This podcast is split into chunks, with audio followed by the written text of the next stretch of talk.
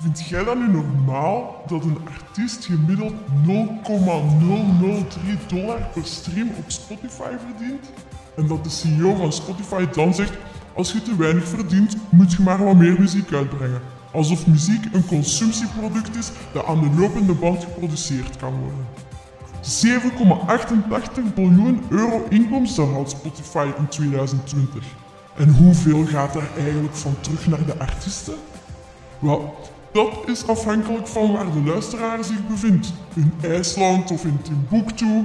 En om dan nog maar te zwijgen van de extra exposure en heavy rotation als je in bepaalde playlists wordt opgepikt. Wie stelt die playlists eigenlijk samen? Is dat puur op basis van goede smaak? Of hebben popsterren met een industriële marketingmachine een voetje voor? Swat, ik heb beslist, ik luister niet meer naar muziek via streaming. En zelfs niet naar de radio. Ik koop alleen nog plaatjes of tapes aan de merchtafel na een liveshow rechtstreeks uit de twee polletjes van mijn favoriete muzikanten.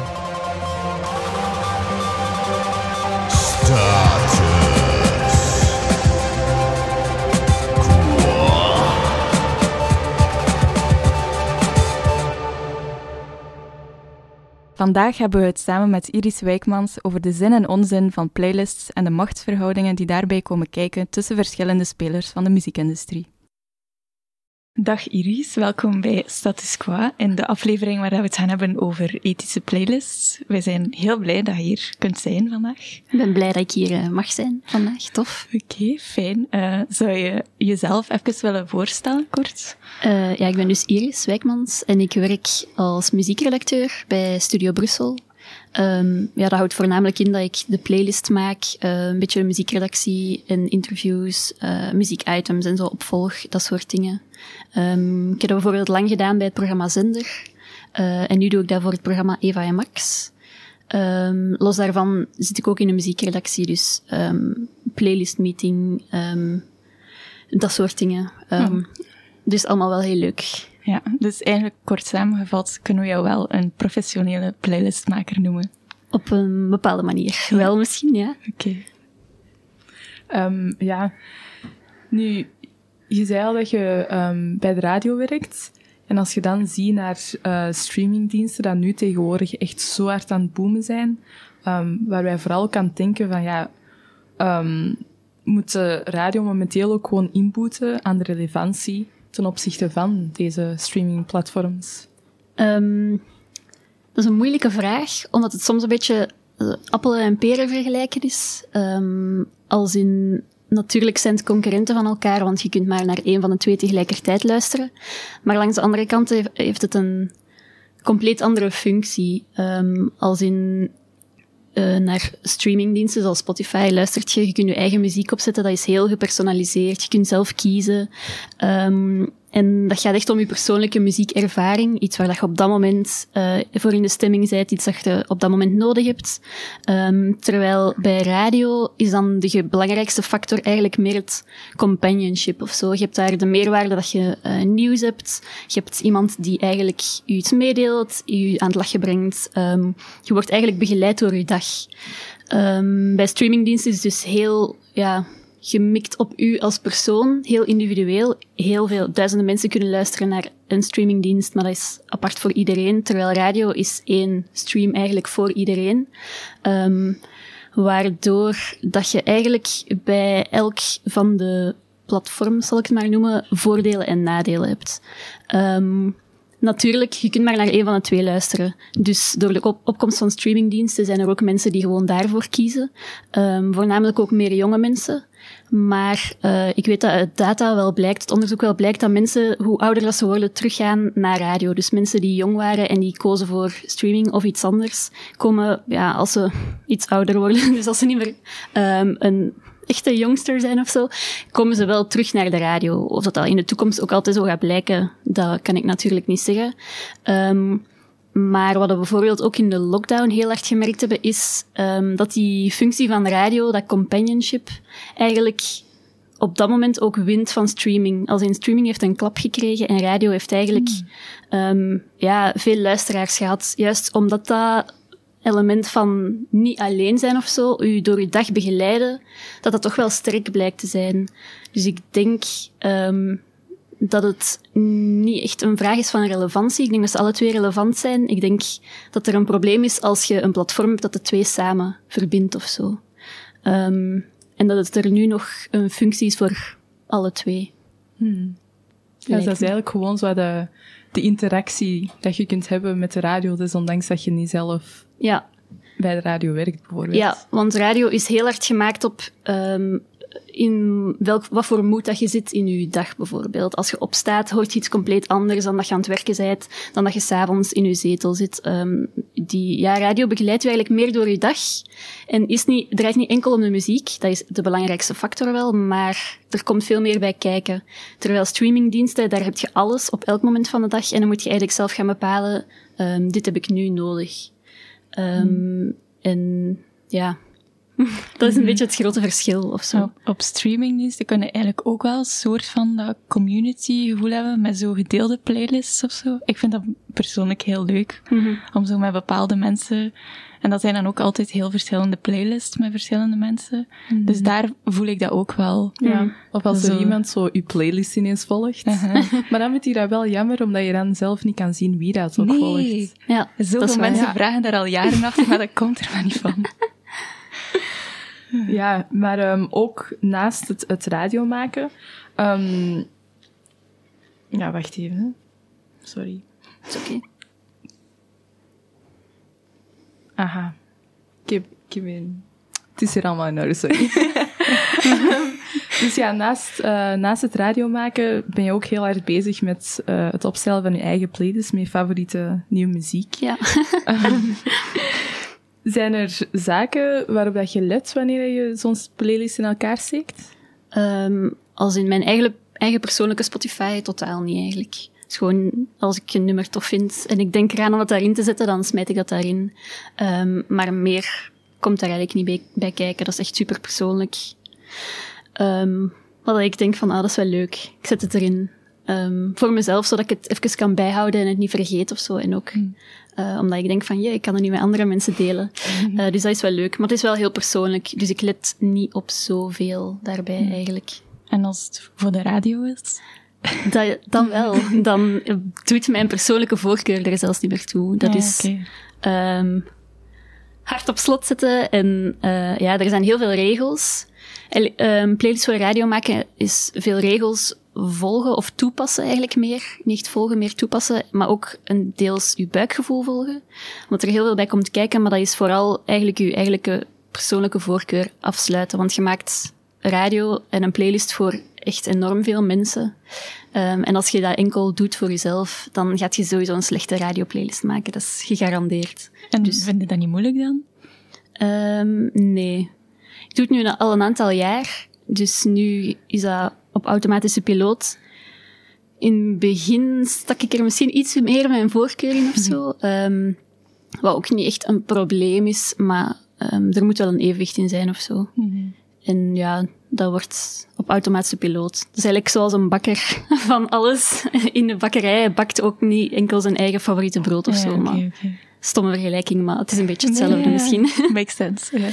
Maar um, wie maakt die regels dan eigenlijk? En, en zijn die al geëvolueerd, veranderd? Ja, sowieso. Um, ah ja, er is niet één persoon of één instantie die de regels maakt of zo van zo moet het. Dat is eigenlijk um, gewoon wat dat er gemerkt wordt uit onderzoek, um, wat dat gemerkt dat je nodig hebt. Bijvoorbeeld, een heel stom voorbeeld, maar nadat je het nieuws hebt, kies je altijd voor een iets meer uptempo, breder nummer om mensen mee te krijgen dat zijn zo van die regels dat je merkt dat werken, dat wordt bevestigd uit onderzoek en zo worden die ja, eigenlijk bepaald of zo. Mhm. Ehm, maar die verschillen natuurlijk altijd. Ook van uur van de dag bijvoorbeeld. Um, andere regels. Uh, moment in het weekend is anders dan. Dus dat ja, hangt er wel een beetje vanaf, maar dat is gebaseerd op ja, combinatie van veel ervaring doen, um, onderzoek. Uh, ja. Dus radio maken is een beetje aan wetenschap doen. Soms wel. Soms vind ik het heel wiskundig of zo, hoe dat die mhm. playlist in elkaar steekt. Omdat het ook gaat over toonaard, uh, beats per minute. Um, er komt heel veel bij kijken of zo. Um, sfeer van een nummer. Um, ja, er is het. En ook iedereen past er anders toe. Want bijvoorbeeld uh, bij Studio Brussel variëren we heel snel. Terwijl bij Radio 1 weet ik dat ze meer voor sfeerblokken gaan of zo. En daar variëren ze mhm. minder snel. Dus dat hangt ook af van welke radiozender, uh, wie dat wat toepast en wat dat er past bij je doelpubliek bijvoorbeeld. Oké. Ja. Interessant. Mm ja, de vraag van deze aflevering is of dat er zoiets bestaat als een ethische playlist. Um, en ik kwam onlangs een tweet tegen van Shura. En dat maakte mij wel een beetje kwaad weer over uh, het betaalmodel van Spotify. Ondanks het feit dat ik zelf heel veel Spotify playlists heb. Uh, een beetje hypocriet misschien, maar toch. Uh, en die zei, uh, today my debit card got clients trying to buy lettuce and a block of cheese. En dat is natuurlijk niet de schuld van Spotify of zo, maar um, ja, die doen het op vlak van het betalen van artiesten gewoon niet zo goed. Mm -hmm. En de CEO van Spotify, Daniel Ek, die heeft vorig jaar heel veel kritiek over zich heen gekregen. Um, en die reageerde daar niet zo super tactvol op of zo. Uh, die zei dat de artiesten die het vroeger goed deden, uh, dat niet uh, per se gaan blijven goed doen in het toekomstige muzieklandschap. En dat om de drie, vier jaar zo muziek uitbrengen um, niet meer voldoende gaat zijn. Um, en dat legt natuurlijk heel veel druk uh, bij de artiesten, terwijl dat het geweten is dat mentale gezondheid sowieso al mm -hmm. een dingetje is uh, in die context. Uh, denk je dat er daarnaast uh, dat die evolutie ook een invloed zou hebben op de kwaliteit van muziek die gemaakt wordt? Mm, vind ik een moeilijke vraag. Um, vooral ook omdat als je naar het muzieklandschap kijkt, is dat zowel in mijn ogen een van de grootste veranderingen of zo. Um, het ritme van de productie van muziek. Mm um, ik denk dat Spotify heel veel veranderingen heeft binnengebracht in het muzieklandschap, maar een van de grootste is dat toch wel, denk ik, waar dat je voordien, zoals je zegt, om de zoveel jaar schrijf je een plaat, uh, dan gaat je daarmee toeren, je haalt er een paar singles uit en bla bla. Um, dat wordt wat doorbroken eigenlijk door Spotify. En de artiesten die het nu goed doen, zijn eigenlijk artiesten die teren op nummer per nummer. Mm. Of bijvoorbeeld zoals Dua Lipa, je brengt een plaat uit en dan daarna nog eens een variant van die plaat en dan nog eens een nieuwe single en dan nog eens een variant van die plaat. Eigenlijk blijft je heel lang teren op kleinere dingen of zo. Mm -hmm. um, wat dat, eh, los van of je dat goed of slecht vindt, gewoon een, een feit is, denk ik. Mm. Um, iets wat hij heeft binnengebracht. Um, maar ik denk dat dat enkel een haalbaar proces is voor de allergrootste. Mm. Als in diegenen die nu al groot zijn en dat, die, dat ja, bereik hebben. Of degenen die zo'n goede uh, crew bij achterban label die hun daarin steunen. Mm. Um, die een heel plan opmaken en dat meteen impact heeft. Die kunnen dat doen. Maar dat is dan de lucky few, de 1% mm of zo. Mm um, en de kleinere artiesten, artiesten die we vaak zien in uh, ja, de AB Club of, of Botaniek of weet ik veel waar. Zeker hier op Kinky Star of zo. Dat zijn de artiesten die er nooit van kunnen leven. Omdat die vooral leven van uh, ja, concerten, platenverkoop. Um, en dat tempo valt daarbij niet te houden. Uh, omdat je ook tijd nodig hebt om te toeren. Je hebt tijd nodig om nieuwe muziek te schrijven. Um, dus de vraag wat dat dan gaan inboeten aan de kwaliteit van muziek, denk ik niet per se. Um, als in, ik denk wel dat Spotify veel veranderd heeft aan hoe dan muziek wordt geschreven. En dan vooral uh, popmuziek bijvoorbeeld, of ja, varianten van populaire muziek. Nu, die het heel goed doen in streamingdiensten, die worden uh, ja, geschreven voor Spotify eigenlijk, als in mm. superkorte intro's. Ja. Um, hoek meteen de eerste 30 seconden al van het nummer, mm. dat catchy blijft. Um, zeker niet te lang. Uh, zeker ook niet te bombastisch, waardoor dat uw aandacht veel te hard grijpt. Want Spotify muziek is heel mellow, mag eigenlijk uw aandacht niet grijpen. Uh, moet heel verteerbaar zijn. Dat soort dingen, ja, je hebt echt een, een, ja, bijna een manier om een nummer te schrijven voor Spotify of zo. Mm -hmm.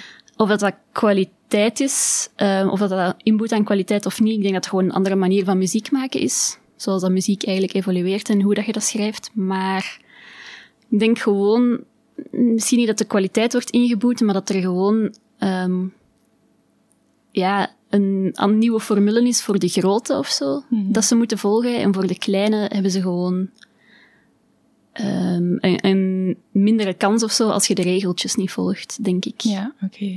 Dus misschien is het gewoon afstappen van uh, de dominantie van het album of zo dan. En dat er meer een strategie van kleine, losse dingen, allee, releasen zijn dan die echte aandacht zo kunnen grijpen of zo.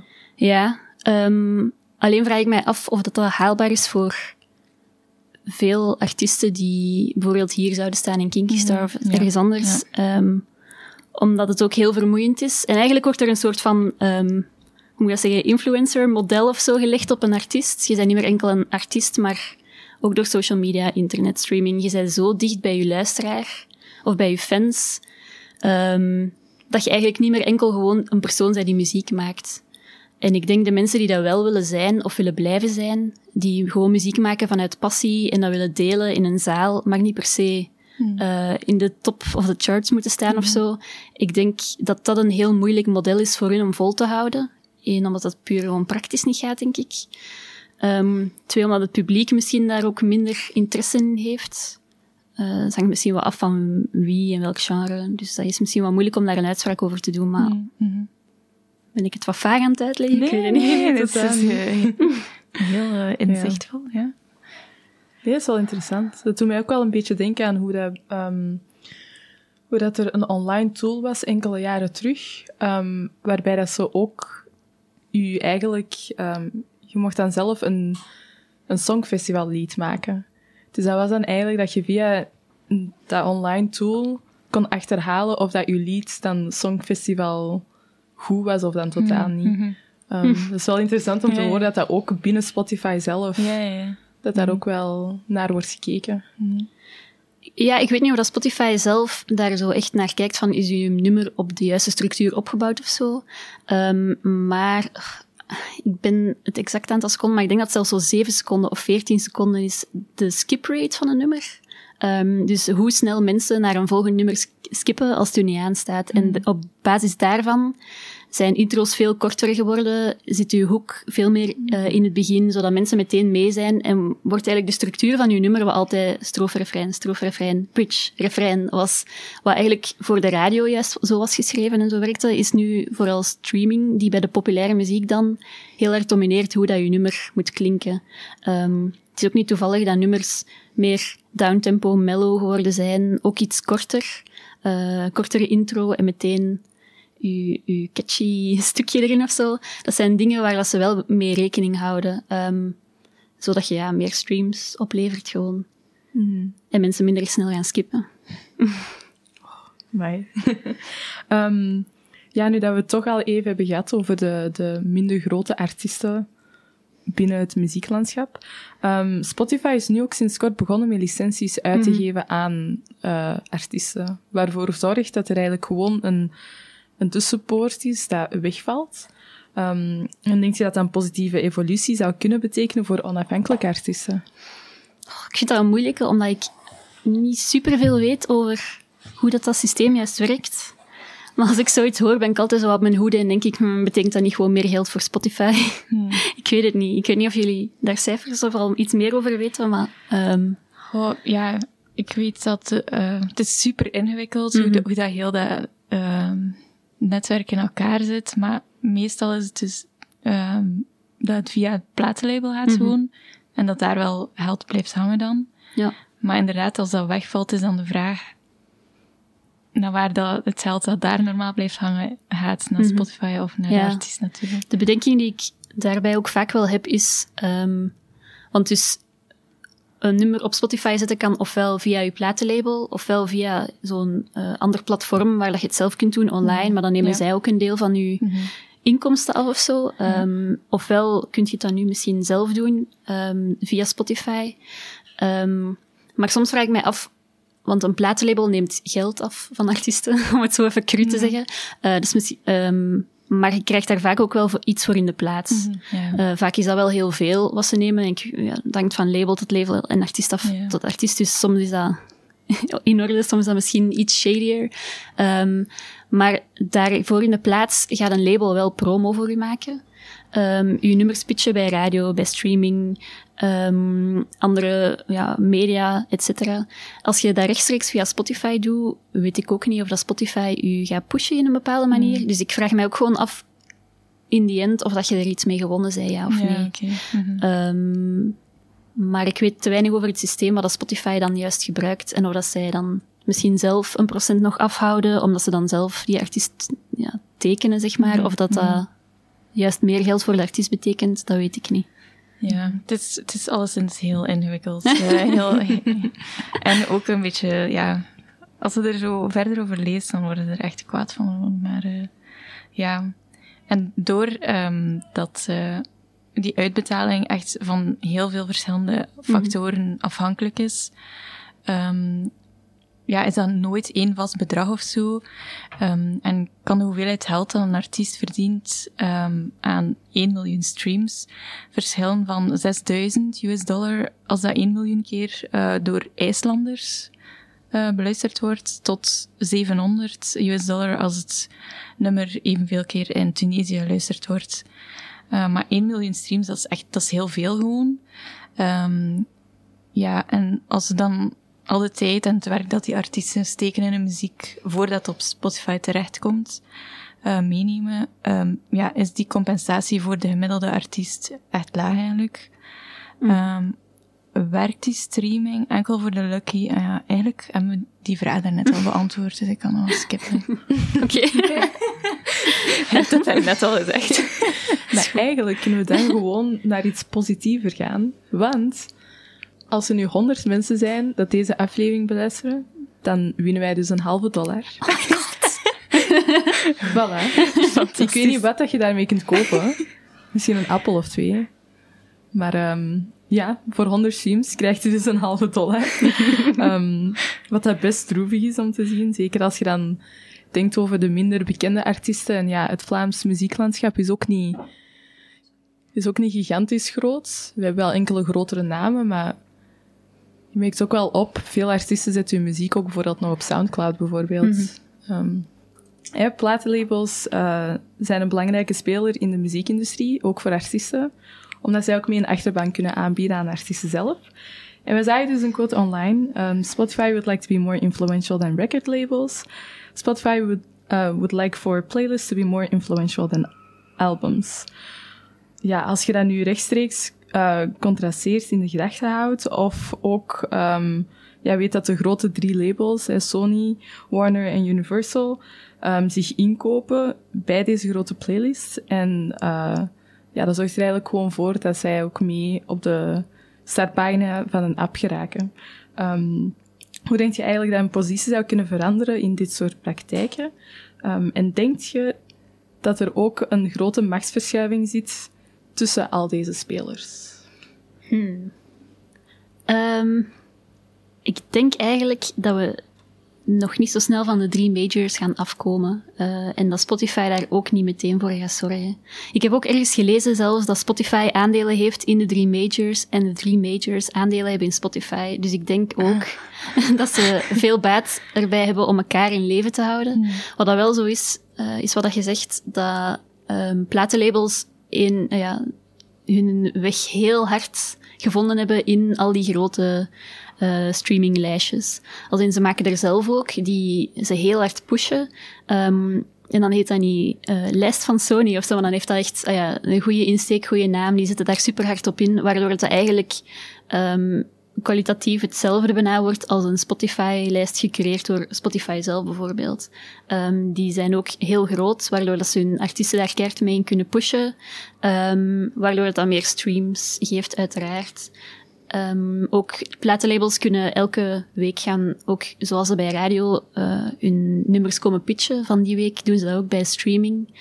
Wat natuurlijk ook hun nummers nog eens extra in de aandacht brengt. En uiteindelijk zijn het altijd wel nog een bepaald aantal mensen die de selectie maken. Um, dus het is niet dat ze gewoon zeggen, dit zijn de nummers, zet ze maar in die streaminglijsten of zo. Maar natuurlijk ook, als het gaat op dat niveau, spreken we ook natuurlijk wel over de grote der aarde. De Ed Sheeran's, de Dua Lipa's, de Billie Eilish. En als die iets nieuws uitbrengen, staat dat ook gegarandeerd in al die lijstjes overal. Um, dus ik denk nu niet dat ze elkaar gaan weg kunnen concurreren. Ook uh, Spotify is heel machtig, als in Spotify is het grootste muziekplatform, of toch zeker hier bij ons. Um, en die hebben heel veel invloed. Uh, platenlabels kijken er ook heel hard mee uit of zo. Want bijvoorbeeld, um, wij op de radio bij Studio Brussel hadden wij soms eens een uh, première van een nummer. Nu gebeurt dat veel minder. En dat is niet omdat we dat niet meer leuk vinden. Integendeel. Dat is ook niet omdat artiesten dat niet meer willen doen. Integendeel. Maar dat is gewoon omdat Spotify zegt tegen plaatlabels, ah, als radiozender X de première krijgt, hoeft het voor ons niet meer.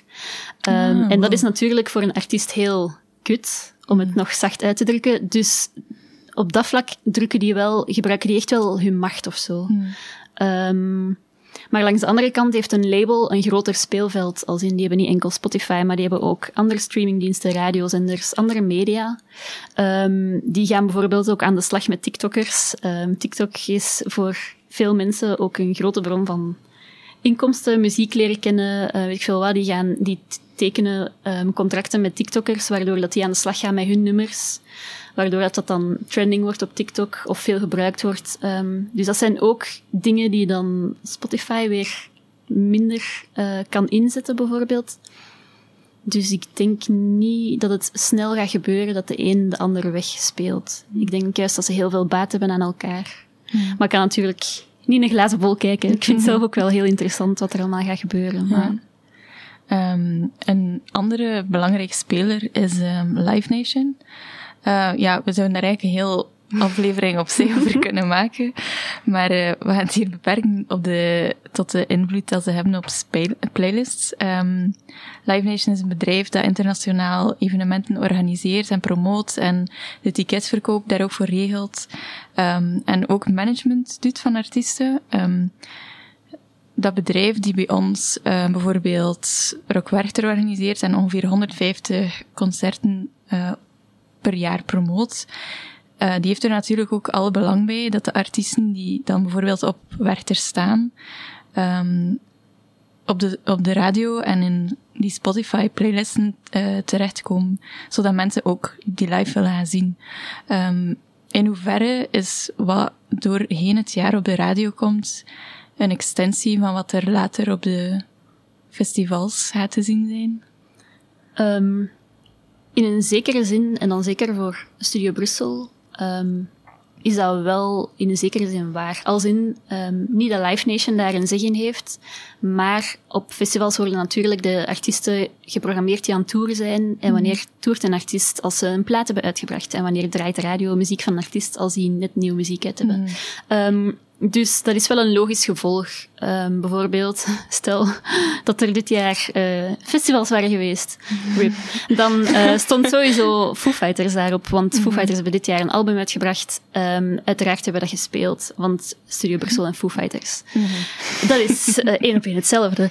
Um, en uh, dus dat is in een zekere zin wel onvermijdelijk. Mm. Um, maar heeft Live Nation een zeg in wat dat er een, een radioplaylist zit, dat is wel niet het geval.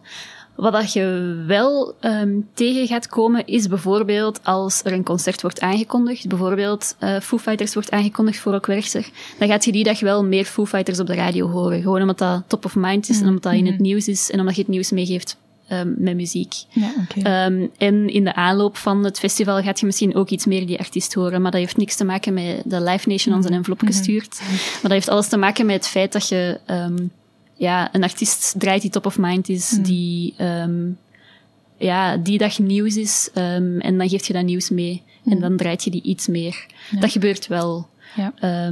Maar het is nu niet dat Live Nation daarop een invloed heeft. Okay. Of tot zover ik weet, uh, toch niet? Um, ja, binnen al die samenwerkingen en, en die verhoudingen is het uh, denk ik heel belangrijk om te onthouden wie dat niet zonder wie kan.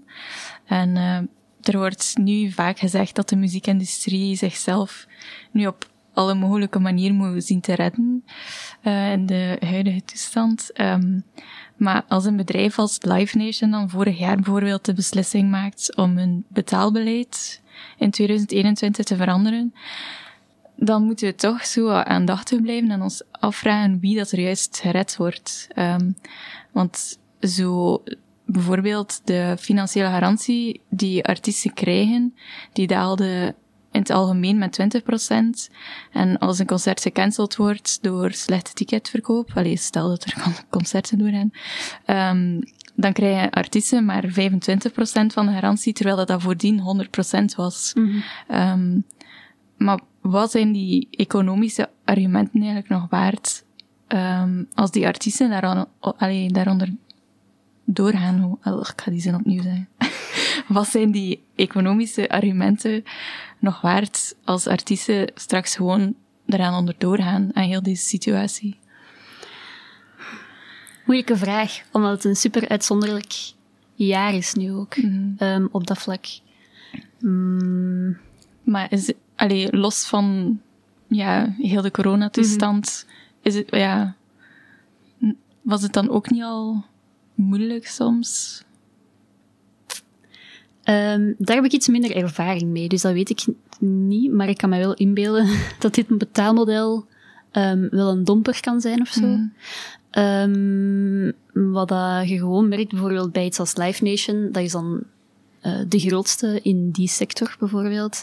En hoe hoger dat je op de ladder klimt, hoe meer dat je muziek of de artiest wordt gezien als een product. Mm -hmm. Hoe lager, ah ja, lager op de ladder is misschien een slechte uitdrukking, maar je snapt denk ik wel wat ik bedoel, mm. is blijft het um, blijft de muziek en de artiest meer intact in wat het is en in zijn zijn en zijn verhaal en zijn mm. creatie. En ik denk hoe hoger, hoe meer dat er wordt nagedacht over dat verdienmodel. Wat mm. dat ergens logisch is, want als je op dat niveau meespeelt, ja, dan moet er ook geld in het laadje komen of zo, op een uh, grote manier. Dat is ik denk dat het eerder een discussie misschien is van hoe dat we muziek en artiesten benaderen en of dat dat benaderbaar is, zoals dat je bijvoorbeeld auto's verkoopt. Mm -hmm.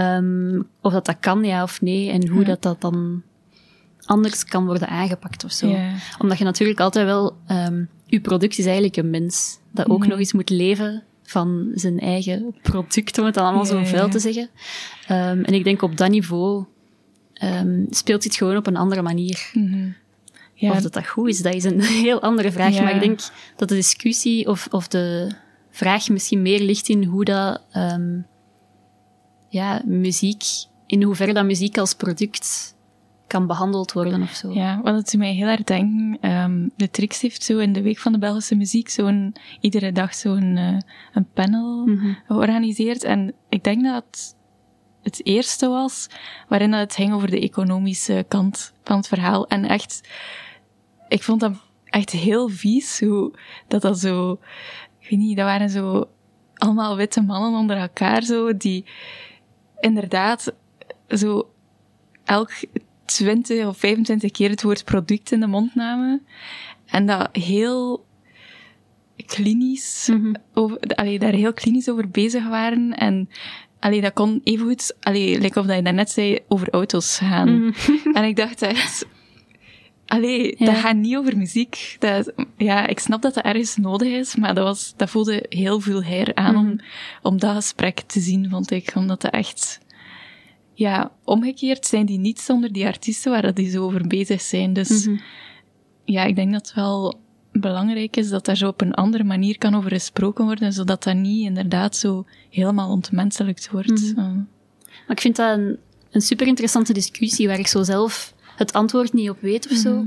Want ik weet, eh, een paar jaar geleden was ik aan het praten met een, ehm, een programmator van een Nederlands festival. En eh, die zei van ja, Belgische artiesten, ik boek die super graag, want... En hij vergeleek eigenlijk hoe dat wij in België eigenlijk op een heel andere manier muziek benaderen en hoe dat, dat dus eigenlijk ook ja, iets persoonlijk is en ook in onze cultuur. Want hij zei van ja, Belgische artiesten, ik boek ze super graag, want daar gebeuren echt heel interessante dingen. Jullie zijn super vernieuwend, super creatief in jullie muziek. Terwijl in, um, jullie kijken naar muziek als een, echt een heel creatief um, proces, iets van een, een maker die iets creatief maakt. En uh, eigenlijk zo'n beetje het, het romantische verhaal ja. Terwijl in Mhm. Nederland zei van ja, wij hebben he- muziek dat commercieel supergoed werkt, maar heel veel hetzelfde. En dat is juist omdat in Nederland er uh, bij veel artiesten toch anders gewoon naar muziek wordt gekeken. Als in muziek maakt je niet omdat het een mooi romantisch creatief proces is, maar maakt je ook gewoon maar omdat dat je job is om geld te verdienen en wat dat werkt, dat past je opnieuw toe. Um, okay. dat ga, de, die regel geldt zeker niet op voor alle artiesten, voor alle mhm, duidelijkheid. Maar hij zei, zei van ja, er is wel ergens een lijn te trekken. En ik vond dat wel ergens interessant, omdat ik ook toen pas besefte van ah, hoe dat je muziek benadert en interpreteert, is misschien ook iets heel persoonlijk of heel cultureels. Of, mhm. ja, ja. Um, ik vind het een interessant onderwerp, maar ik heb er zelf geen, geen antwoord op. Ah, dat is, ja, het is wel interessant om te horen inderdaad dat dat mm. zelf gewoon bij onze buren al zo helemaal anders ligt en uh, ja, anders geïnterpreteerd wordt. Dus waarschijnlijk zouden Nederlanders dan, waar ik zo verviel op, op allee, in dat gesprek van de Week van de Belgische Muziek, dat is, dat is mm de normaalste zaak van de wereld daar dan. Ja. Waarschijnlijk. En ik denk natuurlijk ook uh, dat ergens van afhangt op welk niveau, zoals Live Nation, dat, dat, dat is een wereldwijd bedrijf. Mm Die spelen op zo'n groot niveau mee dat je het misschien niet anders kunt dan ergens ontmenselijken of zo. Um, omdat je anders gewoon niet op dat niveau kunt blijven werken, denk ik. Mm. Of dat daar dan een positieve of negatieve connotatie aan hangt, mag je zelf invullen. Maar um, ja. ja. Uh, ja. Maar op zich, ja, ik denk, ik denk persoonlijk, het is wel een heel radicaal antwoord dat ik nu ga geven. Maar ik denk persoonlijk de enige oplossing is om het kapitalistische systeem gewoon af te bouwen. Maar nee, maar als je erover nadenkt, letterlijk alles is gewoon een, een product ook mhm. geworden. En je merkt ook wel op, hè, tijdens de lockdown hebben ze ook veel minder gekeken naar cultuur als effectief iets waar meer is dan enkel naar een concert gaan. Want cultuur bevat allerlei soorten kunstvormen. En dan merk je ook ineens op van, ah ja, wij zijn ook maar gewoon een product dat wij mhm. aankopen, een product dat wij verkopen. Wij zitten in heel een, heel een systeem. Er zijn mensen, opnieuw zoals je zei, er zijn mensen die geld moeten verdienen en ze willen dat doen met wat dat ze graag doen. Maar je moet op het einde van de dag ook wel kunnen overleven. Mhm. Dus ja, mijn, mijn radicale zelf zegt, kapitalisme moet weten, maar Langs de andere kant, ik heb daar ook baat aan, dus het is, het is moeilijk. Mm Maar ja, je kunt er, eh, dat kan volgens mij sowieso in een ander systeem dan het kapitalistische systeem, waarbij dat hij er ook baat gaat hebben. Dat die muziek ook bij je gaat komen. Dus ik vind het niet zo radicaal eigenlijk. Ja, maar welk ander systeem? Ja, dat weet ik niet. Want het zou dan een systeem moeten zijn waarbij dat, ja, niemand aan exploitatie doet, hè? waar dat er niemand... Mhm. Mhm in een andere vorm van slavernij. Dat is misschien ook misschien een groot woord, maar ja.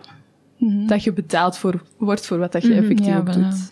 Um, maar ja, dus laten we even teruggaan naar lijsten, naar playlist.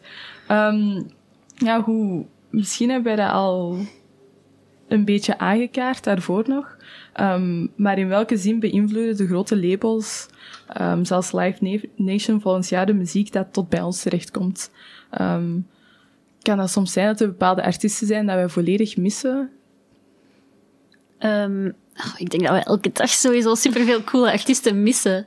Mm. maar ja, labels brengen sowieso wekelijks muziek aan naar radiostations en streamingdiensten, et cetera. Bla.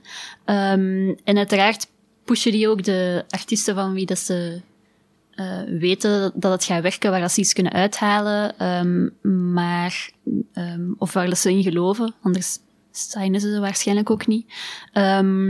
Dus die hebben uiteraard een invloed, als in ze leveren muziek aan, maar je mocht ook nooit dat overschatten of zo. Of toch zeker in de omgeving waar ik werk of zo, is het gewoon maar één van de kanalen waar er muziek van binnenkomt. Uh, het is niet dat platenlabels elke, dag een uh, elke week een lijstje doorgeven en dat is het dan. Er zijn ook duizend en een andere manieren waarop dat er muziek binnenkomt. Um, je hebt, ja, uh, blogs, internet, um, gewoon luisteraars die dingen doorsturen. Je hebt je eigen um, omgeving. Je hebt ook in een normale, in normale omstandigheden gaat je ook naar live concerten, naar feestjes, DJ-sets. Daar haalt je superveel uit. Er is zoveel waaruit dat je dingen kunt halen en platenlabels zijn er maar één van. Um, hebben die een invloed en hebben die macht, zeker. Maar zeker in de omgeving waar ik werk, mocht je dat ook nooit overschatten. Um, omdat die wel geen zeggenschap hebben over wat er effectief uiteindelijk gebeurt. Zij kunnen alleen maar beargumenteren en aanbrengen. Um, en misschien leuke dingen voorstellen, zoals uh, een sessie of weet ik veel wat. Um, en, maar in die end maken zij nooit die beslissing. Uh, of toch niet voor ja, de omgeving waar ik werk. Ik kan natuurlijk niet voor heel de sector spreken, dat weet ik niet. Um, mm, natuurlijk hebben zij ook wel de grote namen, de relevante namen, bla bla bla bla bla. waardoor dat er sowieso altijd wel iets interessants voor u bij zit. Bijvoorbeeld Foo Fighters uiteraard ook bij een, bij major label getekend. Um, en plaatsen bij, in een krant of bij een radiostation zijn altijd wel beperkt. Je kunt niet elke week honderd nieuwe nummers in je playlist gaan steken. Dus je moet uh, overwegingen gaan maken en daar komt relevantie bij voor je luisteraar als grootste argument. Um, hebben majors heel veel relevante artiesten, zeker. Um, maar zij gaan nooit bepalen hoe of wat dat een radiostation een playlist gaat maken. Um, wat dat omgekeerd wel vaak gebeurt, is dat wij een artiest oppikken en denken, oh, cool. En dat we dan gaan, gaan moeten aankloppen bij die majors en zeggen van, hey, die artiest zit bij jullie. Mogen we alsjeblieft iets meer info? Dus dat gebeurt ook wel heel vaak. Um, dus, uh, ja. Er is geen conclusie aan wat ik nu net heb gezegd. jullie zeggen niets. Uh. maar uh, ja, nee, het is wel fijn om te horen dat jullie zelfs soms ook nog wel... Um, dat jullie ook gewoon verder gaan zoeken dan jullie eigen omgeving mm ook. Hè. Um, ja, nu als we wat beter, wat meer gaan inzoomen op de inhoud zelf van playlists. Um, ja, uh, we leven in een wereld waar er op het internet kun je heel snel kritiek geven. um, en ik denk dat jullie sowieso ook wel ja, als, als mediakanaal zogezegd ook sowieso wel dagelijks kritiek binnenkrijgen. Um, en dat gaat dan vooral over welk soort artiesten dat er gespeeld worden um, tijdens jullie radioshows. Nu, soms komt daar ook nog een tegenwicht tegen, zoals bijvoorbeeld uh, Rosa, die een mhm. campagne heeft gedaan, de titeloze, om dan meer vrouwelijke mhm. artiesten ook aan het bod te laten. Um, dan was er ook nog uh, Girls Go Boom, die daar ook nog aanwees hoe dat Brut, mm uh, de playlist dat ruwe muziek maakt, zo gezegd, dat zij ook maar 15% uh, vrouwelijk is, om het zo te zeggen. Dan is onze vraag eigenlijk eerder, hoe worden die playlists nu in elkaar gestoken? Um, hmm.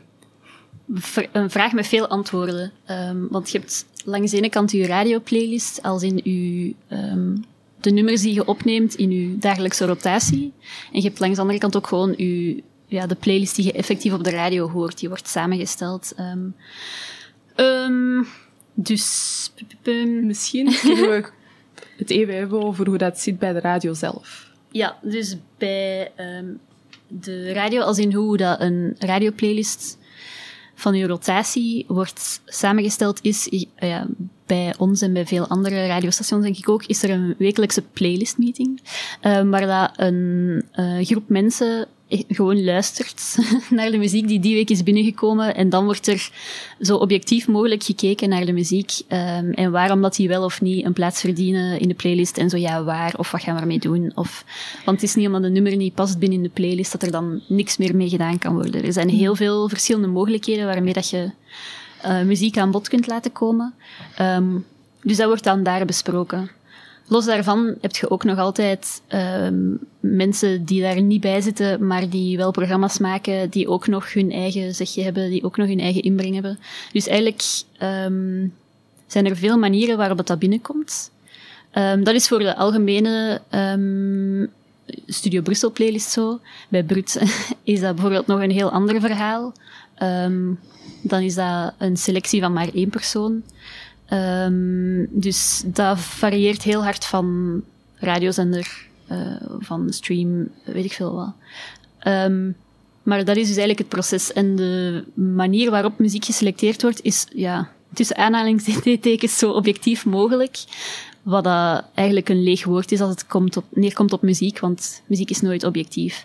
Um, maar toch gaat je vanuit het oog van je luisteraar, wat een heel groot divers publiek is ook, proberen te kijken van, oké, welke artiesten zijn het meest relevant. Uh, en dat gaat dan niet enkel over hoeveel fans dat die hebben, want dat heeft geen zin, maar ook, um, ja, zo'n lange lijst. Je hebt zoveel argumenten die mogelijk kunnen zijn en uiteindelijk gaat je dan in discussie met elkaar en probeert je de best mogelijke uitkomst te hebben. Soms is dat heel evident. Uh, ik denk dat, ja, dat je er niet lang over moet nadenken als Billie Eilish een nieuw nummer uit heeft, um, die een supergroot uh, belang heeft voor ook Studio Brussel luisteraars dat we die opnemen. Maar langs de andere kant kan er ook een super lange discussie ontstaan over iets wat een obvious choice lijkt. Um, dus daar wordt rekening mee gehouden. Mm um, maar uw luisterpubliek is meestal wel nummer één, wat je in uw mm achterhoofd moet houden. Dat is wel logisch ook. Uh, ja.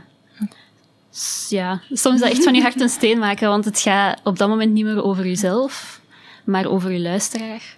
En wat dat voor hun het belangrijkste is. Wat dat moeilijk is, want je kunt eigenlijk kunt je voor nooit één iemand iets uh, ja, 100% goed doen.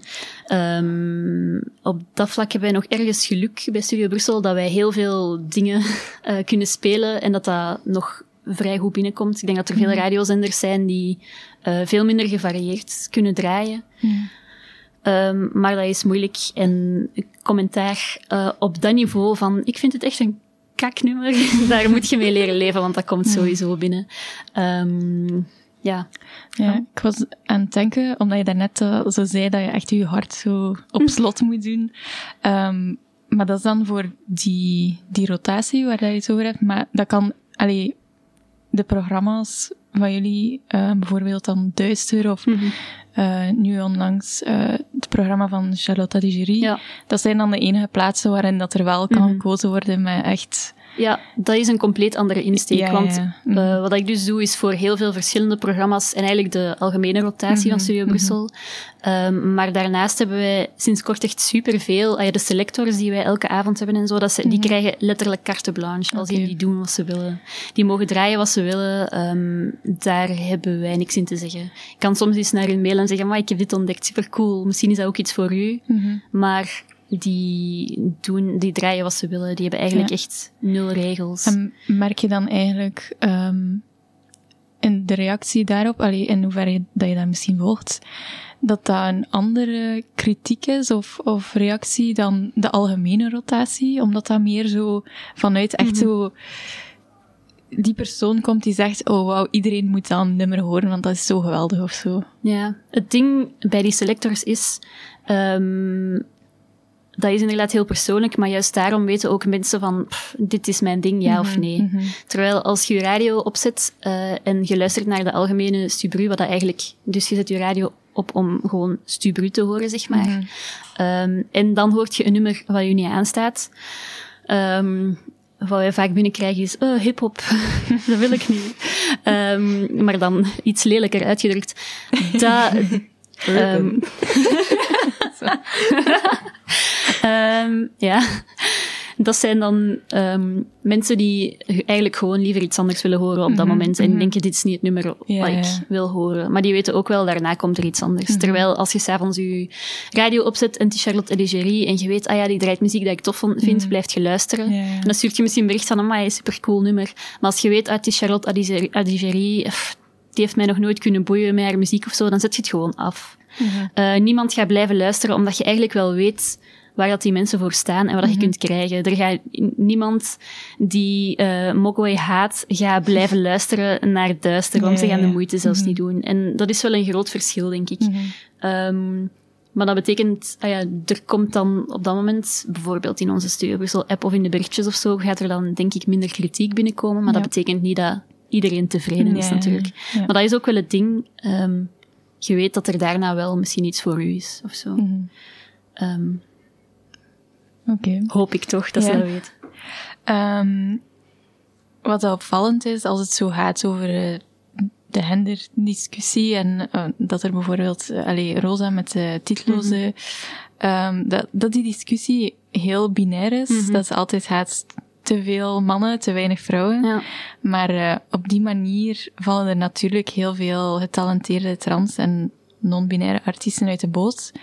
En voor mij persoonlijk zijn uh, artiesten zoals Kay Tempest of Mickey Blanco of Anoni echt onmisbaar. Zijn er zo voor jou trans- of non-binaire artiesten die heel erg belangrijk zijn? Hmm. Um, cliché antwoord misschien. Zeker nu. Um, maar ik vind Sophie mm -hmm. uh, een ja. super relevante artiest. En ik vind het eigenlijk een beetje jammer dat het lijkt alsof uh, dat er nu pas echt aandacht mm -hmm. voor is vanuit een, een uh, breder publiek of zo, zeg maar. Mm -hmm. uh, nu dat het, ja, nu dat ze zo precies eindelijk eens een kans heeft gehad om te zetten wie dat ze is door, door het nieuws van haar dood. Mm -hmm. Wat ik super jammer vind, maar ik vind haar wel nog steeds juist daarom super relevant. Op dit moment ook. Is dat een antwoord op uw ja, vraag? zeker, zeker, absoluut. Ja, ik denk dat het moeilijk te meten is wat dat Ja. zij betekend heeft voor, allee, en nog gaat blijven betekenen, Ja. want ik denk dat haar invloed echt enorm is. Nu op artiesten die nu nog volop muziek aan het maken zijn ook. Mhm. Dus eh, ja, ik vind het eh, heel belangrijk dat er daarom zo soms ook verder gekeken wordt dan, oh, we moeten meer vrouwen hebben. Ja. Allee, dat is zo, Mhm. maar soms vind ik het een beetje beperkend om toch zo alleen in die termen te denken. Ja, natuurlijk. Je hebt ook het buzzword diversiteit. Mhm. Maar dan wordt er ook enkel gekeken naar iemands huidskleur. Mhm. Terwijl het er zoveel meer onder diversiteit zou kunnen vallen. Hè? Als je nadenkt over mensen met een beperking, hoe vaak dat die in de schaduw moeten Mhm. leven. En dan zelfs binnen eh, het kader van beperking. Of het nu mentale of een, of een fysieke beperking is. Dat Ja. maakt het gewoon zo hard dat als ze dan kijken naar bepaalde zaken, zoals je zei, dat is heel binair. Dat is, oftewel moet een zo'n persoon zijn of zo'n persoon zijn, maar het kan niet, het kan precies niet meer dan dat zijn Nee, eigenlijk. nee. Ja, daarom, allee, in de voorbereiding hiervan hadden we ook eh, gehad over ehm, ja, artiesten met een beperking. Maar ja, er wordt heel veel aandacht gegeven aan nu zo toegankelijkheid van concertzalen of zo. En dat is, dat is supergoed natuurlijk. Eh, dat, is, dat is nodig, dat is heel belangrijk. Maar je ziet die mensen niet op het podium zelf. Mhm. Dus dat is ook al zoiets. Ja, of je ziet ze niet binnen management, je ziet ze niet binnen ja. op, de, op plekken waar dat er effectief ook zodanig veel macht is. Ehm, maar hier zijn we dan om een verandering te brengen. Of toch op de minst informatie te geven, want verandering is best wel moeilijk om eh, Mhm. van de een op de andere dag te brengen. Ehm, ja, ik heb het woord al eh, daarnet laten vallen. Urban. Ja. Urban, urban. Dat is een beetje zoals wereldmuziek. ja, dus allee, playlists zijn ook... Er wordt ook vrij hard gekeken naar, of in dit geval dan, in, met urban en wereldmuziek, dat, zijn, dat zorgt ervoor dat dat heel hard een, geracialized is, zo gezegd. Hè. Ehm, en dat is ook zo een containerbegrip daarvoor zorgt dat ook enkel bij urban dan zwarte artiesten zijn dat daaronder vallen. Ehm, waar ook voor zorgt dat zij ook nooit de plek zullen krijgen binnen de, het genre waarin dat zij ook muziek maken. Ehm, zijn er enige manieren om dit tegenaan te gaan? En, en wordt daar eigenlijk over nagedacht? ehm, over de categorie zelf binnen radiostations? Mm, ik kan natuurlijk alleen maar voor, voor mezelf spreken daarin. Ehm, maar bij eh, Studio Brussel en ah ja, in mijn ervaring eh, bestaat de term urban daar niet echt meer of zo. En ook heb ik zo het gevoel, ah ja, is mijn persoonlijke mening dat genres echt dood zijn. Genres bestaan niet meer. Ehm, wat ik ergens een goede evolutie vind, die ik hoop die verder wordt doorgetrokken. Ik heb zo het gevoel dat genres alleen nog maar bestaan in zo ehm humorrecensies en ah ja, zo krantenrecensies, waar dat je zo... Wat ik ergens snap, hè, want je moet in woorden, zonder klank, gaan uitleggen hoe dat muziek is of zo. En dan is het heel handig om er nog zo'n termen op te plakken. Urban nu niet, want dat wat zegt dat eigenlijk? Ehm, maar ja, ik denk echt dat genres nog minder relevant gaan zijn. Ook gewoon hetgeen wat ik merk dat wel belangrijker is, of zo mede ook weer dankzij streaming wel, is zo sfeer en moods. Je hebt nu vooral veel mood-playlisten van in die sfeer. En dat is ook veel tastbaarder of zo, want je gaat nooit denken van, oké, nu ga ik eens een... Ja, waarschijnlijk wel. Ga eens een reggae-playlist opzetten bijvoorbeeld, want dat is een genre reggae. Maar dat is zeker voor mensen nu die opgegroeid zijn met social media en internet, is dat misschien te eentonig. En um, je wilt veel verschillende dingen, maar die wel passen bij je moed of zo van nu. En ik denk dat dat veel harder werkt en nog veel harder gaat werken en relevanter gaat zijn, een moed, dan een, een genre of zo. Ik denk dat het is ook veel gemakkelijker, merk ik, om um, een moed op een nummer te kleven om het te omschrijven dan gewoon een genre. Want een mm. genre zegt zo weinig. Um, dus ik denk eigenlijk dat we die kant gaan uitgaan. Wat ik op zich misschien niet zo erg vind. Um, in het algemene leven dan. Mm. Ik weet niet of dat voor Spotify allemaal zo uh, interessant is, maar... En je merkt ook soms ook op dat bepaalde liedjes ook verschillende genres ook mm -hmm. samenmengelen daarom het is zo vermoeiend ook, denk ik, om de, te blijven zeggen van het is dat en dat en dat gecombineerd. En dan is dat nu een nieuw genre, want een nieuw genre, elke artiest heeft zelfs een eigen interpretatie daarvan. Alles mhm. gaat zo snel en iedereen herinterpreteert ook zoveel van andere artiesten en past zoveel dingen toe of recycleert gewoon dingen of grijpt terug naar iets van vroeger of doet daar iets helemaal nieuw mee. En, um, dus ik denk dat dat eigenlijk hoe langer hoe meer geen zin meer heeft om er echt gewoon een, een genre op te kleven, wat ook meer en meer leeg gaat worden. Want ja, ook als ik nu zeg, het is een leuk rocknummer, wat weet, je weet toch, je kunt je daar totaal toch niks bij inbeelden. Um, dus ja, genres zijn dood. Enter moods, denk ik. Nieuw motto. Ja, ja, ik kan dat wel volgen eigenlijk, want ik heb zelf zo playlists die echt, ja, belachelijk specifiek zijn soms. Ik heb mhm. zo algemeen soothing, maar dan ook happy soothing of sad soothing. Ja, exact. of zo droevige liedjes dat je beluistert wanneer je niet droevig bent. Zo'n playlist heb ik ah, ook. Mm zo. Of ik mhm. kwam ook eens een playlist tegen um, Crying in the Bathtub bijvoorbeeld. En dan denk ik van, ah ja, ik kan me daar wel iets bij voorstellen. Snap je dat zo specifiek, maar toch snap je meer waar dat die muziek voor staat dan dat je zegt, ik ga een, een rock playlist opzetten bijvoorbeeld. Mhm. Wat dat heel leeg geworden is. Mhm.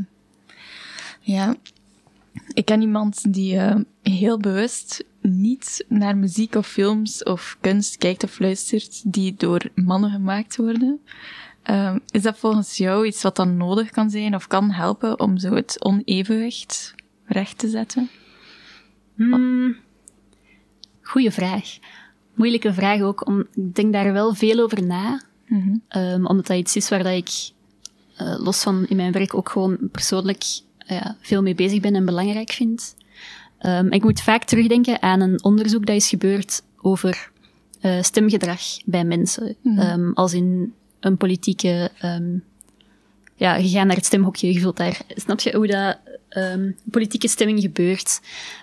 en daaruit kwam eigenlijk als resultaat dat vrouwen zowel op mannen als vrouwen stemmen. Daar is een evenwicht. Maar als je naar mannen gaat kijken, stemmen die en, ah ja, enkel op mannen.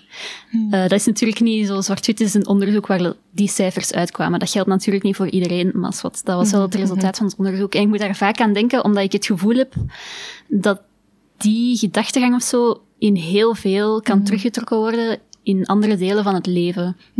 Ook gewoon met muziek. Ik heb de indruk...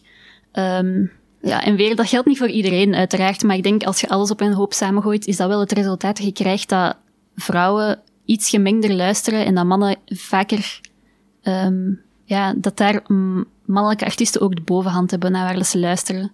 Mhm. En hoe komt dat? Ja, duizend en één dingen in onze samenleving. Ja. Um, uiteraard kun je uiteindelijk gewoon teruggaan naar hoe dat wij worden opgevoed in onze samenleving en hoe dat, als je terugdenkt aan hoe dat het was op de speelplaats op school en dat het ook dat er een label werd geplakt op meisjespelletjes en jongensspelletjes en jongensspelletjes waren cool en meisjespelletjes waren echt eh, nee. En als jongen ga je toch niet meespelen met de meisjes en als je als meisje mocht meespelen met de jongens, wow, dan zit echt een cool mm, meisje. Mm Snap je hoe dat er zo een label wordt geplakt op alles wat dan mannelijk is, mm is credible en goed en heeft een bepaalde status, terwijl aan alles, ah ja, wat dat in het leven vrouwelijk is, heeft meteen ook al een mindere status of zo. Ik was ook bijvoorbeeld eens gaan tellen, um, even geleden in de uh, categorieën van MIA's, waar dat de meeste vrouwen werden uh, geselecteerd of gestemd bijvoorbeeld. En dat zijn vaak de categorieën die dan tussen aanhalingstekens iets minder uh, credible zijn, mhm. zoals Vlaams populair. Ja. Snap je? Dat, dat zijn de mhm. categorieën waar dan, of popmuziek werd ook heel lang als minderwaardig gezien. Mhm. En daar hadden vrouwen dan ook al iets meer hun plaats. Ehm, dus ik denk, dat is, ik vind dat een super moeilijk probleem, omdat het zoveel facetten heeft. Maar voor mij zit het vaak in twee dingen, als in één, gewoon de verantwoordelijkheid van ons allemaal als samenleving, Mhm. dat wij daar eens fucking mee moeten stoppen. Ehm, en uh, ja, hoe dat wij onze kinderen opvoeden, hoe dat wij omgaan met elkaar, hoe dat we... Maar langs de andere kant heb je ook um, het blijven bevestigen van die norm, als in de uh, witte hetero man als norm. En wij bijvoorbeeld als vrouwen zijn daar dan een afwijking van. Mm. We, we, zijn een variant op de norm. En om dat te stoppen met in stand te houden, um, is het wel belangrijk of zo dat streamingdiensten en concertzalen en media en radio, al die dingen ervoor zorgen dat we niet blijven bevestigen dat dat de enkele norm is die bestaat of zo. -hmm. Dus ik denk dat er twee dingen super hard meespelen. Ja. Mm, ja, ik heb zelf ben ik daar ook heel hard mee bezig en um, ja, dat is begonnen met dat heel actief gewoon zo vooral naar ja, vrouwen, zwarte vrouwen dan, uh, trans personen um, te luisteren. En uiteindelijk is dat, allee, ik luister wel nog naar, naar mannelijke artiesten, maar het overgrote, de overgrote meerderheid luister ik gewoon naar mensen die niet wit, cis, mm -hmm. hetero man zijn. En ja, ik moet dan ook gewoon denken aan het argument ook altijd van, maar ja, ze moeten er wel zijn, hè. En dan denk ik echt, zwijg. Ze zijn, ze zijn met zo gigantisch veel. Je moet gewoon even verder kijken dan wat dat recht voor je neus staat, mm -hmm. omdat ze zo geprivilegeerd zijn. En als ze, daar, als ze die stap neemt om dat heel actief te doen, dan zijn de mogelijkheden zo eindeloos en hetgeen wat dat je kunt aanbieden, wat dat je positie ook is, een programmator op een festival, maakt de radio, uh, cureerde playlists. Allee, het is echt, het is zoveel mooier dan mm -hmm. die, uh, allee, die norm waar, dat, mm -hmm. waar dat je het over hebt. Ja, dus, ja. besef net dat ik wel niet op je vraag heb geantwoord. Wat ik dus maar dus, wat ik uh, bedoel wel, is dat ik misschien niet geloof in dat wij dan ah ja, dat je als vrouw dan bijvoorbeeld ook ineens alles uh, wat door een witte hetero man wordt gemaakt moet afblokken of zo. Mm. Want dan vind ik ook mm. weer dat je de verantwoordelijkheid ligt bij een bepaalde groep, terwijl mm. eigenlijk moet je een onevenwicht gaan compenseren en dat vind ik fout. En daar zet je volgens mij op de lange termijn ook niet veel mee of zo. Um, omdat het ook gaat over, ah ja, muziek is niet enkel gewoon een, een persoon die een functie uitvoert. Um, maar het is ook nog eens een persoon die zijn verhaal en zijn visie mm -hmm. In iets steekt en vertaalt naar de rest van de wereld, -hmm. waardoor dat je ook nog ergens weer een extra verantwoordelijkheid en ja, macht is het foute woord, maar zo invloed of zo hebt, mm -hmm. die superbelangrijk is. Um, en daardoor is het ook gewoon belangrijk dat er niet maar één versie op de wereld wordt verteld. Ja, absoluut. Uh, maar dat je gaat kijken naar verschillende versies. Um, en in een ideale wereld stoppen we nu met hoe dat we bezig zijn en passen we dat gewoon toe en alles oké. Okay. In de huidige wereld is dat natuurlijk het super frustrerende stap per stap, vrees ik. Ook gewoon omdat we nu nog altijd zitten in de situatie waarin dat we zitten. Dat er super hard gewerkt moet worden en dat ik ook zelf dagdagelijks in mijn job wel merk van fuck. Um, bijvoorbeeld, um, stel, pup, ben eens aan het denken, er worden, um, of Foo Fighters brengt morgen een nieuw nummer uit en ook een supercoole nieuwe art, um, artiest die niet uh, wit, hetero en mannelijk is. Mm -hmm. um, en dan heb je ergens natuurlijk wel een verantwoordelijkheid aan je luisterpubliek die Foo Fighters al kent en een grote fan is van Foo Fighters. Die willen dat nieuw nummer horen. dus wat geeft je dan de voorkeur aan? Wilt je die een nieuwe Foo Fighters laten horen, want dat willen ze? Of laat je die, die coole artiest uh, leren kennen waarin dat je gelooft? Um, en dat is natuurlijk het probleem een beetje, omdat je publiek ook dagdagelijks niet met die redenering bezig is. Hmm. Je publiek is ook iemand, een, die zitten zelfs niet in die muzikale bubbel, die zijn dagdagelijks bezig met, oh, ik ben naar huis aan het rijden van mijn werk, Pff, het was echt een vermoeiende dag, oh, wat ga ik s'avonds nog eten, um, oh, straks nog naar de yoga, oké. Okay. En dat is hun dag. Die zijn totaal niet bezig met welk evenwicht dat ze horen uit de radio, die willen gewoon, um, ja, gevoed worden met wat zij graag willen, bijvoorbeeld. Dus dan is het ook een evenwicht maken van, push je die agenda daar gewoon op. Je kunt dat doen. En soms gebeurt dat ook, maar je kunt dat ook niet te hard doen, want dan haken ze af en heb je ook niks bereikt. Dus dat is een heel moeilijk evenwicht. En ik vind dat zelf super frustrerend, omdat ik het woord, uh, ja, of, de, of de uitspraak van oh, het is een work in progress en het is een lange weg, ik haat dat, want dat frustreert mij mateloos. Um, en ergens weiger ik mij daarbij neer te leggen en heb ik zoiets van, kom aan. Maar langs de andere kant heb ik ook stap per stap ben ik aan het leren dat het ergens wel moet, omdat je anders toch niet gehoord wordt. Wat dan weer super frustrerend is. um, maar anders blijf je in hetzelfde cirkeltje draaien of zo. Dus ik vind het een super moeilijke overweging. Um, en ik heb het gevoel dat er geen uh, einde is aan deze gedachtegang, maar um, ik weet niet wat jullie daarvan denken. Um, ja, ik heb vorige maand voor Black History Month Belgium een residentie mogen doen bij een, uh, een biep in Schaarbeek, Biep Sofia. En onze taak was om de biep te decoloniseren. Op een maand tijd. Dus dat was best wel moeilijk eigenlijk om zo af te komen met een heel plan. Um, maar een van de zaken waarbij wij ook wel dachten van, ah ja, hoe kunnen wij toch nog het eh, decolonisatiedebat voeren met zij die dan naar de BIP komen, zonder dat recht in hun gezicht te gooien, mm -hmm. of zonder de personen te zijn dat ze zeggen van, en jij moet dat anders doen. um, en een van de ideeën dat we dan hadden, was een, een, een koppel uitleen. Dus dat je dan bijvoorbeeld een, een Dirk Brekke, dat spreekt over een meisje dat opnieuw uh, sekswerker is geworden en zo heel dramatisch. en dat we daar dan een boek zouden bij zetten dat dan eigenlijk een ander perspectief zou geven. Dat het bijvoorbeeld ook niet geschreven is door een, een witte man, maar ook gewoon geschreven door een vrouw bijvoorbeeld. Of door iemand dat effectief hmm. in die situatie bijvoorbeeld heeft gezeten. Ik denk dat dat misschien ook wel interessant zou zijn om dan eh, een Foo Fighters um, mee te geven van eh, ze, ze hebben weer een nieuw lied en het is super tof. En dat je dan misschien dat is maar een voorbeeld van iets wat er zou kunnen mm. gebeuren. Hè. En dat dan het volgende lied is van, ah ja, nu dat je toch de Foo Fighters zo fijn vindt, Studio Brussel, kunnen jullie misschien ook mm -hmm. deze artiest ontdekken. Dus ja. we hebben wel, ja, dat is, dat is, dat is altijd wel een, moeilijke even, een moeilijk evenwicht om te zien in hoeverre dat je andere mensen ook kan doen inzien vooral, dat effectief een, mm. een hardnekkig systeem is en een hardnekkige manier van denken. Um, en ja, het is, het is een lange weg en het is super frustrerend, omdat constant, ja, ik vind dat ook echt absurd irritant om te horen dat mensen zeggen, maar ja, Beetje ja, Rome is niet in één dag gebouwd. Oh, en dat vind ik zo vervelend, omdat dat ook niet op elke situatie toepasbaar is. Bijvoorbeeld, sommige situaties zijn echt gemakkelijk omkeerbaar.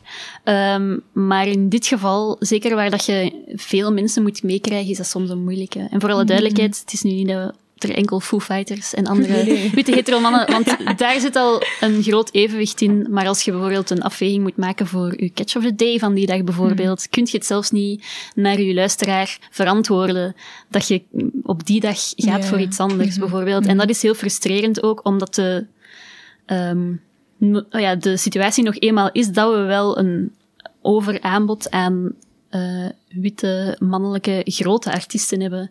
En om daar een verandering in te krijgen, zonder dat je ook um, niet, nou ja, uw luisteraars eigenlijk geeft mij wat ze nu op dit moment graag willen. Dat is een heel lastig proces. Maar dat betekent niet dat we dat niet aan het voeren zijn of zo. Mm. Um, ja. Ja, het is zo een beetje de vraag van wie dat er gehoord wordt uiteindelijk altijd. Mm. En ja, om dan toch te blijven uitgaan van, ja, die, willen, die moeten dat horen, want het is Foo Fighters. dat is vandaag. Dus dan denk ik toch soms ook van, maar net omdat die ook wel zo, allee, zeg het, die gaan naar huis en die, die zijn moe, die zitten in de auto. Dan denk ik, ja, smijt er dan een keer iets anders tussen, die iets anders is. Mm Gaan die er daar zo bewust van zijn dan?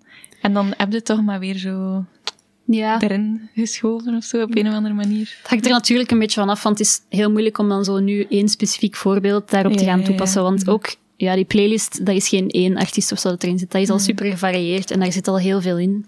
Um, maar wat, dat je, wat dat wij, ik ook, merk ik heel vaak zo um, ja, vergeten of zo vanuit onze muziekbubbel, is wel dat wij maar een heel klein aandeel van het hele grote Vlaanderen zijn of zo. En dat er eigenlijk heel veel mensen zijn die willen niet meer dan gewoon muziek dat je begeleidt naar huis. Ehm, en daardoor is het goed dat je wat kunt diversifiëren in andere radiozenders en streams, online dingen. Je hebt ook ja, Spotify waar je kunt luisteren of zo. Daardoor is dat juist goed dat je verschillende kanalen hebt en dat er niet één ding is wat je verplicht moet voeden of zo. En dat je als luisteraar ook zelf wat kunt kiezen. Mm. Ehm, en dat er voor iedereen zo steeds meer wel iets is. Ja. Um, maar wat dat ik ook gewoon heel erg heb gemerkt in die jaren bij radio werken en wat dat altijd maar bevestigd wordt. En is gewoon, ja, uh, voor ons is dat iets dagelijks waar wij mee bezig zijn, maar voor heel veel mensen eigenlijk veel meer niet. Um, en dat is soms een heel moeilijke afweging, die je ook nooit mocht vergeten of zo. Want de radio is natuurlijk altijd nog een massamedium um, voor gans Vlaanderen of zo. Maar dat is natuurlijk wel een beetje het ding waarom dat de, de status quo in stand gehouden wordt mhm. natuurlijk. Als, omdat er zo, als er ja, niet op mhm. over nagedacht wordt en als, als het gewoon maar zo... Maar dat is dus exact um, wat ik bedoelde met dat daar wel die verantwoordelijkheid mhm. ligt om die norm niet in stand te houden. Um, ik denk dat dat ook heel belangrijk is door na te denken over welke muziek dat je draait, de programma's die je aanbiedt, wie dat die programma's aanbieden, um, welke artiesten dat daarin zitten. Um, maar uh, dat altijd in combinatie met wat dat je luisteraar ook effectief nodig heeft. Want anders zet je het echt voor niemand aan het maken en dan mhm. heeft het ook geen zin. Mm. Het is een super een lastig proces. Ja. Um, maar waar dat je wel iets kunt betekenen of zo, als je het slim speelt. Ja, oké. ja, maar ik denk ook sowieso dat de verantwoordelijkheid niet alleen bij de radiomakers mm. ligt, maar ook gewoon ja, bij, bij de grote labels. Het ligt ook aan ja, de manier waarop dat muziek bijvoorbeeld ook op school wordt gegeven. Mhm. Het ligt aan gigantisch veel verschillende aspecten van een samenleving gewoon. Dus het is een beetje kip-en-ei verhaal. Hè? Van het begint eigenlijk nergens, maar iedereen heeft er wel een aandeel in. Mhm. Ehm, en daar, ja, het, het zit in zoveel facetten dat het gewoon niet enkel bij één iemand kan gelegd worden, maar dat betekent niet dat je niet je eigen verantwoordelijkheid moet afschuiven. Mhm.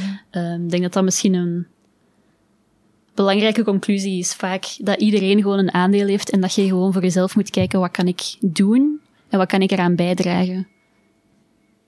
Terwijl ik ook nog uh, alles gewoon goed doe. Zo. Ja, dat was een rare zin.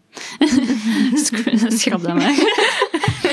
maar je snapt wel wat ik bedoel, denk ik. Ja, ja, ja, exact. Ik ben allemaal uh, heel veel dingen aan het bijleren. Ja. Ik heb zo het gevoel dat ik precies zo achter de schermen zo'n baby aan het wandelen mee. ik vind dat vaak zo lastig, omdat wat dat ik zou doen, is natuurlijk niet wat dat mijn collega zou doen en die daarnaast en daarnaast en daarnaast. Dus je moet zo vaak... Ik heb veel meningen. moet je vaak even terug erin steken. nee, dat is heel goed. Ja. Um, ja, er was hier een vraag, maar ik denk dat dat al een beetje is beantwoord. Ja. Um, goh, misschien deze vraag, daar heb je sowieso al wel een beetje antwoord op gegeven, op verschillende plekken waar dat er muziek te ontdekken valt. Um, maar ja, zijn er nog andere tips dat je bijvoorbeeld hebt van waar dat uh, muziekliefhebbers of zij dat nieuwe muziek wil ontdekken, waar dat ze naartoe kunnen gaan? Als ze dan zo die verantwoordelijkheid waar we het net ah, over hadden, zo willen opnemen en, en zelf zo uh, buiten de lijntjes gaan ermee. Hmm.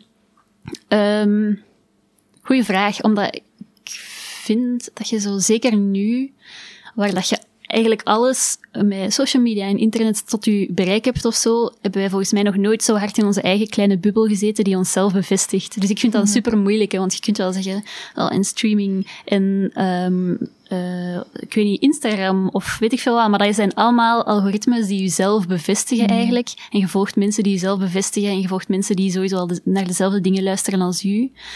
Um, wat ik eigenlijk het tofste vond, um, was uiteraard gewoon naar concerten gaan en ergens, ergens naartoe gaan en met iemand babbelen die u iets aanraadt. Of, um, dus ja, dat vind ik gewoon een belangrijke. Ik denk dat het belangrijkste is dat je buiten je eigen uh, gemakkelijke bubbel moet gaan durven kijken of mm. zo. Um, en dat je, misschien moet je eigenlijk eens naar eens iets luisteren van iemand die je zelf echt totaal niet goed vindt. En dan daar zo op doorklikken, ik weet het niet. Maar ik ehm, merk zeker nu dat we ook in een lockdown zitten. Ik heb volgens mij nog uh, nooit mij zo niet gevoed, gevoeld of zo met nieuwe muziek. Mhm. Ik voel mij vaak echt vast en ik dacht zelf van waar moet ik nu ergens naartoe gaan, mhm. omdat ik mezelf zo ja, vast voelde in al die algoritmes en alles wat gewoon op mij afkwam was altijd maar hetzelfde. En ik werd bevestigd door alles wat ik zelf al ja, een, een gemakkelijk naar teruggrijp of zo. En daarom vond ik het een heel frustrerend jaar of zo. Mhm. Misschien, misschien moet je, ja, als er andere mensen zijn met tips voor mij, graag. Want dat vind ik echt een, een lastige. Um, als je op een festival bent en je gaat iets gewoon in een tent binnen waar dat je anders nooit zou binnengaan, of je gaat eens met iemand anders mee naar iets, of iemand stuurt je iets door. Mhm. Maar dat is dit jaar veel minder mhm. gebeurd. Um, wat ik eigenlijk misschien ja, heel jammer vind. Ja. Um, we kunnen dan ook, um, ja, om een beetje positief toch te zijn, mm -hmm. kijk naar uh, een instantie waar dat de artiest wel heel centraal staat, zoals Bandcamp. Uh, een platform waar de artiesten en labels muziek kunnen uploaden en merch verkopen en zelf hun prijzen kunnen zetten. Um, ook met de optie om meer te betalen dan die prijs dat ze zelf uh, vragen. Um, en daar komt een aanzienlijk groter deel van die betaling effectief bij de artiesten terecht. Um, gemiddeld is dat zo 82% En het afgelopen jaar waren er de Bandcamp mhm. Fridays. Um, waar de Bandcamp de kosten um, liet vallen. En dat eigenlijk 93% van de betaling bij de artiest terecht kwamen. Zou het mogelijk zijn om een streamingplatform op te zetten waarbij dat de artiest ook zo centraal staat? Um, ja en nee. Wat eigenlijk altijd een beetje het probleem is, is ik denk dat binnen de muziekcommunity super haalbaar. Zoals Bandcamp, ik denk dat het nog nooit zo relevant is geweest als dit jaar of zo. Mhm. Maar als je gaat kijken naar, weer naar uitzoomen naar iedereen, geloof ik niet dat dat ooit op een niveau kan komen als bijvoorbeeld een Spotify, omdat dat mhm. gewoon niet gebruiksvriendelijk is um, voor een groot publiek dan. Mhm. Dat voedt eigenlijk mensen niet met wat ze echt willen. Is gewoon bijvoorbeeld uh, een gemakkelijk lijstje aanklikken, want. Bandcamp is nog altijd zelf op zoek gaan, zelf eigenlijk al weten naar wat dat je wilt en zo. Ja. Um, plus ook, ja, als er iets goedkoper bestaat, gaan mensen altijd naar het goedkopere alternatief grijpen, vrees ik ook iets wat super gemakkelijk is, want je hebt een lijstje en als dat gedaan is, gaat het automatisch aanvullen met dingen naar, naar waar je daarvoor had geluisterd en zo. Dus Spotify is op dat vlak gewoon een heel gemakkelijke, omdat die perfect geeft wat dat het grote publiek nodig heeft of zo. Mm. Ik denk dat als je in de muziekcommunity gaat kijken, is er veel meer nodig dan dat. En zitten mensen echt op hun honger. Dus zijn alternatieven als Bandcamp een goede optie. Um, tot op een zekere hoogte wel, want het is nog altijd niet uh, hetzelfde als een echte streamingdienst of zo. Nee, maar ik um, ben dan puur hypothetisch aan het mm denken, nee, of, of dat van daaruit, met die mindset zo, of dat dat mogelijk zou mhm. zijn. Want de mindset is ergens keihard, ja. hè? Allee. Wat ik misschien... Maar, ja, ik ben natuurlijk... Ik... Uh, wacht. Hmm. Ah ja, dus wat ik soms denk dat een goed alternatief is, een middenweg tussen de twee of zo, is dat je eigenlijk meer gaat betalen um, op basis van hoeveel dat je luistert en wat dat je luistert. Als in dat je werkt met een soort van, ik weet niet, tokens of zo die je kunt kopen. Als in ik geef 20 euro aan een bepaald streamingplatform, die geeft mij daar x aantal tokens voor. En als mhm. ik een album wil luisteren, moet ik een token geven en dan kan ik dat luisteren voor x aantal keer bijvoorbeeld. En dan komt die token gewoon recht in het mandje van de artiest. En op het einde heeft de artiest uh, op het einde van de maand misschien 30 tokens, wordt die daar rechtstreeks voor uitbetaald. En ook als ik nu 100 albums wil luisteren, um, betaal ik iets meer dan als ik maar één album geluisterd heb in een maand of zo. Wat dat ook een eerlijker systeem is, want nu wringt dat bij mij soms ook ergens wel dat iedereen, eh, wat is het, 10 euro per maand of zo voor Spotify? Of 4,99 euro voor studenten. uh, dat je dan maar betaalt, maar dat, mhm. dat ik misschien uh, de ene maand naar 100 albums heb geluisterd en de andere maand maar naar 10 of zo. Mhm. En ergens klopt dat systeem niet, omdat je pot altijd hetzelfde blijft. Ook al luistert je heel veel of mhm. heel weinig. Dus ergens denk ik dat er een middenweg moet bestaan die toch heel gebruiksvriendelijk en gemakkelijk is. Um, die je ook kan voeden gewoon met dingen, waar dat veel mensen naar op zoek zijn. Want lijstjes worden eigenlijk veel meer beluisterd dan eender wat. Ehm, maar die er ook voor zorgt dat er een eerlijker systeem is dan wat, hoe het nu gebeurt. Ja, ik had ergens gelezen, denk ik, dat op Deezer, ehm, dat, dat die zo, ik weet niet of dat, dat doorgevoerd is daar, want ik gebruik dat niet, maar dat die zo geëxperimenteerd hadden met, als je zo, bijvoorbeeld dan die ene maand zo echt extreem veel naar een nieuw album van een artiest luisteren of zo, dat eigenlijk uw maandheld, alleen de lidheld van die maand dan dat je betaalt, dat dat um, proportioneel veel meer naar die ene artiest gaat. Een beetje zoals met die tokens, waar je het dan zo Ja. over had. Dus ik denk dat er wel al zo mee gezocht en geëxperimenteerd wordt. Maar ja, natuurlijk. Maar natuurlijk, als het niks oplevert voor Spotify, vrees ik ook dat ze het niet Ja. snel gaan implementeren. Mm. Tenzij dat we massaal naar de deuren van Spotify gaan, wat dat on- onlangs wel aan het gebeuren was, dacht ik. Dat er artiesten ook effectief naar Spotify gestapt zijn en gezegd van, zo kan het niet langer. Ja, ja, dat is- maar op zich. Taylor Swift is, heeft ook enkele jaren terug... Had ze beslist om haar muziek gewoon niet meer op Spotify te zetten. En dan was dat voor een tijd gewoon niet meer beschikbaar. En haar redenering was ook effectief, omdat ze vond dat artiesten gewoon niet genoeg betaald worden met het aantal streams dat ze krijgen. Maar nu staat ze weer, nu zit ze weer terug op Spotify natuurlijk. Maar ze heeft echt wel enkele maanden volgehouden om gewoon haar muziek daar niet beschikbaar te maken. Dus het, het gebeurt sowieso wel. Maar dan moet je geluk hebben als je iemand zei, zoals Taylor Swift, Oh, dat een gigantisch budget heeft om ook echt nog verder te kunnen leren Ja, muziek te maken. Ja, dan komen we zo wat bij de twee grote vragen eigenlijk doorheen deze podcast die zo wat terugkomen. Wie heeft er volgens jou baat bij de, de status quo van een playlist? Eh, ik denk de mensen die er nu effectief ook het geld aan verdienen, zijn de Spotify en de majors. En langs de andere kant ook de ja, doorsnee gebruiker, denk ik, die nu gewoon cheap on- unlimited muziek kan beluisteren. En ik denk dat de dupe, dupe de middenweg, de community, de kleinere artiesten eh, zijn en ook muziekliefhebbers die naar die concerten willen gaan kijken, want daar heeft zo invloed op, denk ik. Ik denk dat zij de dupe zijn. Maar ik denk dat er een hele grote groep is die er wel baat bij heeft, momenteel, waardoor dat het eh, uiteraard zo super traag of zelfs niet aan het veranderen is. Ehm, En ja, de andere kant van het verhaal is dan natuurlijk wie dat er daardoor niet aan bod komt. de, ja, de middengroep, de Mhm. iets kleinere artiesten die eh, wel een publiek hebben, maar die niet zo'n groot platform hebben of eh, tijd en geld om mee te spelen in het spelletje, ehm, die ook niet geïnteresseerd zijn in, eh, weet ik veel, headliners en nummer één in lijstjes te zijn, ehm, die daar ook ja, geen baat bij hebben en waar hun publiek niet naar op zoek is. Ik denk dat dat de mensen zijn die ertussen wegvallen. Ja. Oké, en dan eh, om te eindigen. eh, ja, de vraag is misschien al een beetje beantwoord daarnet, maar ehm, hoe ziet een perfect ethische playlist eruit volgens jou? Ehm, Of zonder perfect, dat mag ook. Oké, ja, perfectie moet niet, gewoon een ethische playlist.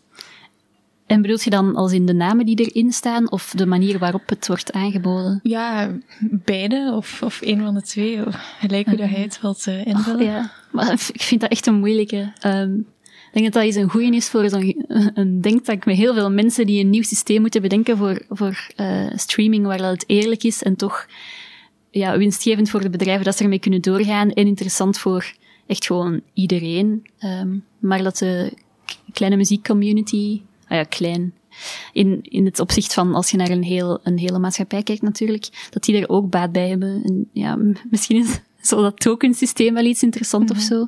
Ehm, gewoon een, een systeem waar dat een artiest ook effectief geld krijgt voor ehm, exact hoeveel streams dat het gekregen heeft. Of eh, daar het, ehm, ja, dat het publiek ook effectief eerlijk betaalt. Dat ik niet 10 euro betaal voor 100 albums en de volgende maand luister ik er 1000 en moet ik ook maar 10 euro be- betalen of zo. Want daar zit sowieso ook al een probleem in. Ehm, waardoor dat ook gewoon uh, elke artiest een iets verdere kans krijgt. Ja, okay. um, en dat je niet al lid moet zijn van de club of zo, het mm. kleine selecte clubje. Misschien uh, zit daar iets goed in, waar dat we eens uh, verder over kunnen nadenken. ja. Oké, okay, dan uh, als allerlaatste, wij willen doorheen de podcast nummers verzamelen die onze gasten nou aan het hart liggen. En die proberen gieten in een vorm die eerlijk is. Uh, en die dus waarschijnlijk niet op Spotify zal terechtkomen. um, welke drie nummers uh, zou jij daaraan willen toevoegen, na alles wat we vandaag besproken hebben? Hmm. Um, ik heb daar eens lang over nagedacht, want ik vind dat een super moeilijke vraag. Ja. Um, maar sowieso een artiest die ik de laatste maand echt enorm veel geluisterd heb. Um, en niet alleen op Spotify, want ik heb de, uh, de plaat gekocht, jij. Um, is Genesis Owuzu. Ik vind die super cool. Um, ik weet niet of je die kent, maar hij is een uh, Ghanese, Australische artiest, geloof ik. En um, ik vind eigenlijk, hij is zo'n beetje de uh, jongere versie van um, misschien een combinatie van um, Charles Gambino en een beetje invloeden van Prince ergens, maar okay. dan toch ook wat punk-invloeden nice. erbij. Ik vind zijn album super cool. Um, dus misschien is dat een goeie om aan de playlist toe te voegen. Oké, okay. ga ik zeker een keer checken. Um, en ook uh, omdat ze gevallen is uh, en um, omdat ik het een supercoole artiest vind. Maar het is geen nieuwe ontdekking, maar Charlotte Adigéry, mm -hmm. uh, haar nieuwe nummer, vond ja. ik zo sprekend, omdat het ook eigenlijk gaat een beetje over waar we het in de playlist over hebben gehad, die Bear With Me and I'll Stand Bef Bear Before You, mm -hmm. denk ik dat het heet. Mm -hmm. um, wat ook gaat over uh, de zorgen van een artiest van fuck, het is een pandemie, ik zit hier thuis en uh, ik kan niet meer optreden en wat met mijn publiek en wat moet ik doen. En, um, zo die zorgen is misschien mm. ook een beetje passend over het gesprek van vandaag. Ja. Dus dat vind ik een hele leuke om daar aan toe te voegen. Um, vind ik een moeilijke. Ik heb veel naar Beachy Head geluisterd. Oké. Okay. um, of uh, The Blossom vind ik nu ook een heel leuke artiest. Okay. Die misschien ook tof is. Um, er is zoveel leuke muziek. Mm -hmm, maar dat zijn alleszins al uh, heel leuke toevoegingen. Als eerste, um, die ik zeker ga checken. Ja, maar uh, wij komen nu tot het einde van ons heel lang gesprek, maar wel super... Ja, er is veel informatie dat we hebben kunnen uitwisselen met elkaar. Dus super uit bedankt. Geen probleem. Om uh, uw tijd vrij te maken. Om ons even wegwijs te maken in hoe dat playlists in elkaar zitten, hoe dat uw werk in elkaar zit en wat dat wij eigenlijk allemaal kunnen doen, ons steentje kunnen bijdragen bij de muziekwereld een beetje ethischer te maken. En merci om mij uit te nodigen. Ik vond het heel leuk. Ah, dat is goed.